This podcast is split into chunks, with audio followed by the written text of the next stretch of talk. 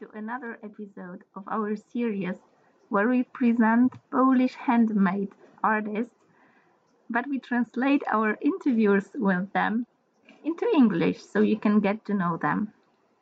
Today I've got a story of Sławomir Wesołek for you. Sławomir Wesołek is a shoemaker and he has been running his workshop for many, many years, nearly 40 years to be exact. He provided services and manufactured shoes for over 40 years. He used to make shoes and sell them on markets, and then he made shoes and put them in stores.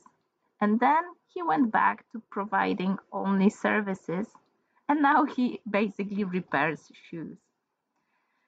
The story I tell you is uh, um, presented well, way better in previous episode in an interview made by Carolina and Justyna, which I translated with my friend and then provided you with a short overview. So let's dive deep into that. So now Sławomir is working as a shoemaker or actually somebody who repairs shoes for over many years.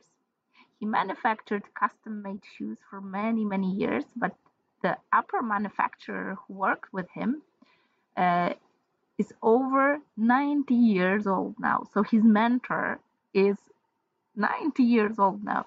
So he stopped making custom made shoes and now he basically focused on services around shoes. And his workshop is based in Wągrowiec actually on Raya Street. So you basically can visit him and see uh, his work. Yeah, he actually invites everybody in. His grandfather was a shoemaker and did set up the workshop in 1912. And then his father and had his workshop in Bydgoszcz and also used to have workshop and he also used to have a workshop in Bydgoszcz but now he moved to Wągrowiec and he keeps providing services not only shoemaker services but also the upper manufacturers because he's both a shoemaker and an upper manufacturer. He repairs shoes, handbags, stretches or tightens boots, and sews zippers. Wide range of services is uh, something that keeps his um, his um, uh, entrepreneurial life alive. He fixes belts and dresses, dressing cases. Everything that can be sewn, even riding boots or bridles.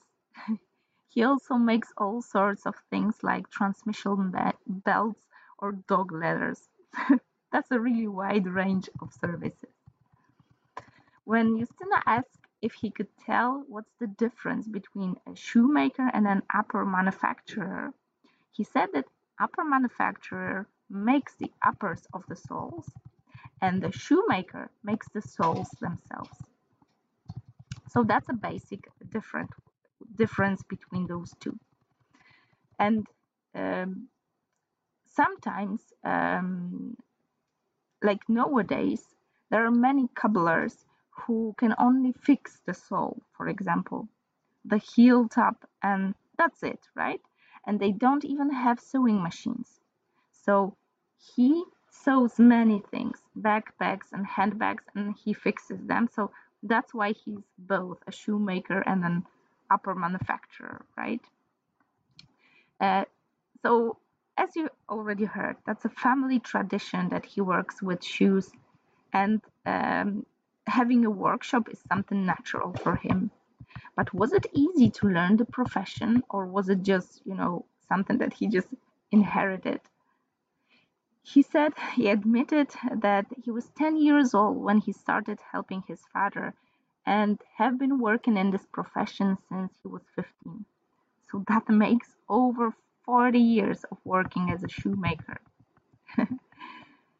when asked, does he have any students or are people willing to or wanting to learn from him, he said that he trained students, but he doesn't have them anymore because the profession is actually disappearing and it's not, really profitable. So, working in this profession now really is kind of a hobby. He admitted that it is, but he said that it's only a few years until retirement, so he's not really interested in earning a lot of money.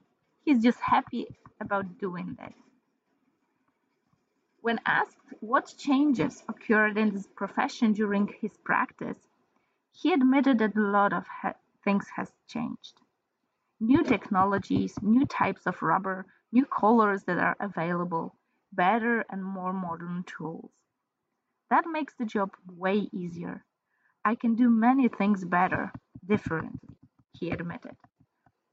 And when asked, has he ever had an order for some special shoes, like something unique, he said he used to make measured orthopedic shoes. Apart from what he has made, uh, like orthopedic shoes, he has made a lot of original shoes just for himself. Those kinds that nobody had. And he had red and black, white and black. He even had some cowboy boots or upper where the upper was white and the boot gray, styled like a crocodile skin. They were so uncommon that wherever he went, people were staring at them. Nobody had such shoes, right? Because they were not available for purchase. Nowadays, he sells a lot of uh, those shoes, like unique shoes, when something breaks. He tightens the boots or shoes um, where they are too tight, he can make them fit perfectly. Uh, he he when asked where does those you know misfits from shoes come from? Um, when asked whether they come from you know ill-shaped shaped heels or something like that he admitted that it is not necessarily the case. He said if the shoe is well shaped heels don't have to be the cause. The flat shoes though definitely cause flat feet in young people because from a young age they wear shoes that don't have the curve inside. If the shoe is poorly shaped, that's what happens. People buy too tight shoes instead of having them stretched. They wear them because they are so cool. Eventually, they will squeeze the foot so that the bone starts growing badly. A lot of people buy bad shoes too tight. You can always have them stretched at the shoemaker's but people just don't know that. Young people these days don't even know they can have their shoes fixed or stretched. he admitted the older, like elderly people, they knew everything can be done, but young people don't don't pay attention to that. They wear those ill-shaped shoes out of ignorance. People often order shoes online because of the pandemic, for example, and often the ordered shoes turn out to be too small or too big or ill shaped. Those who know bring them to a shoemaker like like him and they just stretch them. And they those who don't know that it can be done, they just try to endure. They try to stretch the shoes with water or vinegar. They try all sorts of weird things, but they don't succeed. Sometimes they can even make the shoes shrink. But that means that years of practice and experience in the profession, uh, those information you're hearing now, they didn't come from, you know, one or two years of practice. And when asked about those things that he could share or talk about that could be interesting for us, he decided to tell us a bit about tools and machines. When Justyna asked for the machine, the thing that she could see in the workshop was the Singer pre war machine. As he admitted, that was this kind of uh, equipment that was used in the olden days. Today, there are way modern machines that are extremely expensive.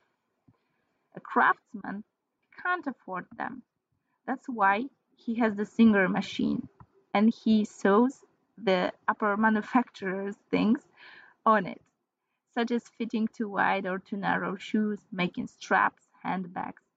And for harder things, thicker stuff, he has another machine. He has a polisher to polish the heel tabs after replacing. He has to make the heel tabs from scratch. There are no ready-made heel tabs now. Everything he has to make, the big ones, the small ones, he has to make them himself. He polishes everything using the polisher. That's why he has a bigger and smaller wheel. Nowadays, it happens rarely, but sometimes someone will bring, bring leather shoes and he can wax them. There were those pre-war luxurious shoes for chairmen, high-end, as they say. You can order such shoes or buy them. They cost five or even up to 7,000 zlotys. They are made of leather and sound not glued. He also has such nice various kinds of more expensive shoes. There, there is a Polish saying that szewc bez butów chodzi, which has a similar meaning to none more bare than the shoemaker's wife and the smith's mare. But the Polish saying none is more bare than the shoemaker himself. But with me, as he admitted, it's completely opposite. He loves shoes. Do, uh, when he was asked by Justyna, uh, the woman order shoes like extraordinary occasions like wedding shoes. Does he make even those wedding shoes? He admitted that not really, but he oftentimes makes adjustments to wedding shoes because they don't fit and he fixes them because they are too tight or he stretches them to make them fit perfectly or he makes a strap of lower uh, of lowering the heel when they are too high and then they don't fit perfectly they are really pretty shoes but not really practical and he in a way makes them practical to you know they dance the whole night away um, it is really hard to make a well-shaped shoe, as you see. He admits it's true, but it's not alone, not so easy to buy one as well, these days especially. Those shoes nowadays are actually made in quantity, not the quality.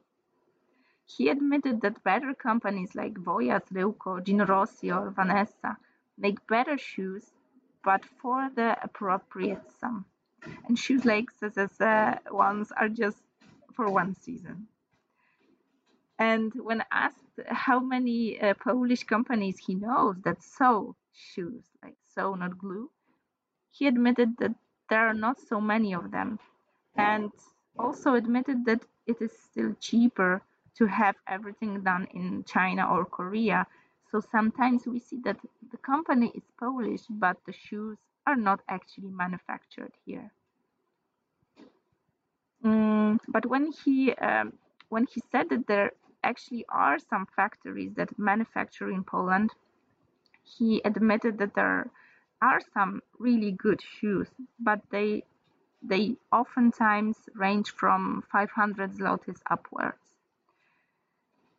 Uh, he also provided us with a simple example. You know, he himself bought shoes for 200 something, and he knows he that those shoes he will wear them for over four years and probably even more but if he bought them for 70 or 80 zlotys like you know those cheap uh, accessible shoes he knows that he would have to throw them away after one season so simple calculation is like 4 times 70 is 280 instead he bought one pair for over 200 zlotys. And you know we have to admit that it's way way cheaper and way way you know more comfortable because you don't have to spend that much time choosing every season and then a new pair of shoes. Yeah so maybe that's a calculation that we could bear in mind that it comes you know from a shoemaker. So maybe there's this a good point to that uh, now when he had this shoe in his hand uh, during this interview um, Carolina asked him to tell us a bit more about those parts of shoe, right? Uh, so we as listeners could know something more about those parts, separate parts of shoes. So of course, the top is called, called the upper, and then we have the lining, the insole, midsole, outsole, and the heel. And he said nowadays artificial leathers are made from, you know, pineapple or paper. Um, they're getting more and more popularity. And as he admitted, he he hasn't worked with those materials, but he tells us that um, he has a hat and he will show us because he had no idea what was the material, but surely that wasn't leather. Uh, leather. It was artificial, but uh, he said his head doesn't sweat at all. So he wasn't sure whether that was this, you know, pineapple leather or some kind of other artificial leather, but he said that the material's quality was quite well, quite good. So maybe there is something to those, you know, eco leather. So as a shoemaker, as a somebody well experienced in working with a real leather, he said there's always an alternative. Uh, artificial leather is really good, as he said, but not oilskin. That makes the foot all sweaty and basically it's unsuitable to wear. So you can smell the chemicals and feet get all wet. So it doesn't breathe, as you say. But the artificial leather, like the one used by Adidas or Nike, is not that bad. They have this technology that makes that breathable, as he said. Carolina also had a technical question. If you were to compare your work 40 years ago and now, would you say it's easier thanks to all the new tools and materials? Can you make and fix the shoes faster than before? And I must admit that I was, you know, a bit curious what would be the answer. And he said, obviously, it's way easier now. He used to have to polish with paper, and now he has a polisher, so a special machine. He used to have heat the he used to have to heat the water into in a teapot and heat the shoes up on a steam and now he has a blowtorch that heats them instantly. This makes his work way way easier. So there is this you know progress in this profession which is updated via new machines or new techniques, new technologies. So it it might be said that the job is not that physically demanding as it used to be. But for that commentary, he said, Sure, look at my hand. It's like doctor's hand. He said he has professional screwdriver, like magnetic screwdrivers. Just need to hold, screw, and done. Good quality scissors, sharp as a razor. and he also admitted that what is needed in this profession is not really much of patience, maybe just a little bit. It depends on what you're doing. There are things that require patience and there are some that don't. Sometimes there are those thrills, cost ineffective, that I that he does only to satisfy the client. And he does it for pleasure, not money, because for some things there's so little money. He repairs something for an hour and takes seven zlotys, for example. And you have to add tax and all the rest for that, right? He can take more, and that's how he spends an hour for pleasure and not money, and for keeping the client instead of, you know, letting him go. In the past, people treated their shoes with more respect than now. That's way obvious thing. And now the shoes are so cheap that young change them every now and then, just like that.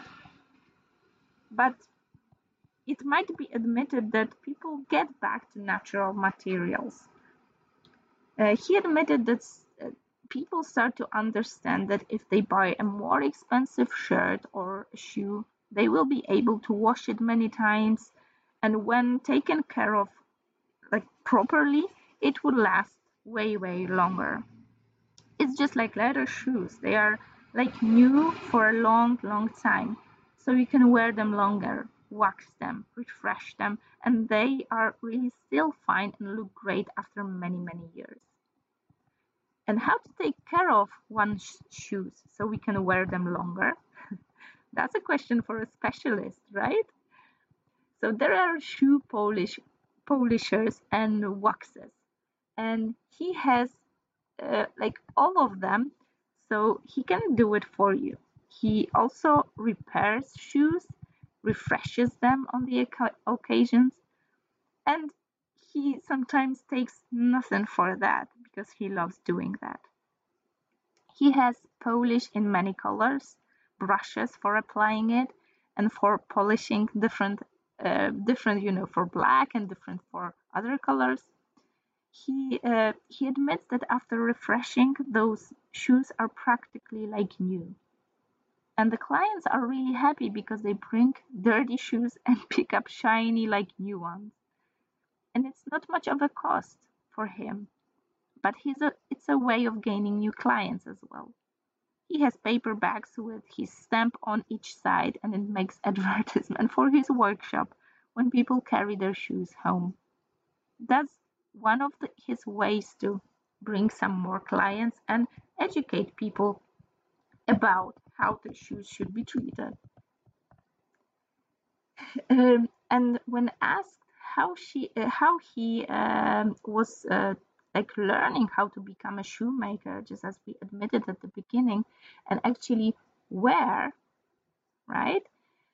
He said that, you know, there are not that really special shoes, uh, shoe schools for that, but he said if somebody wanted to learn how to do that, he admitted that his last student came from the labor office.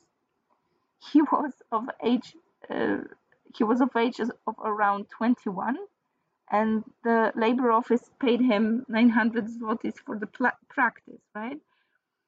And re- later on, he learned uh, the extended upper manufacturing had the papers issued in Katowice. And now he can go all over Europe and find a job and make a decent money out of his profession.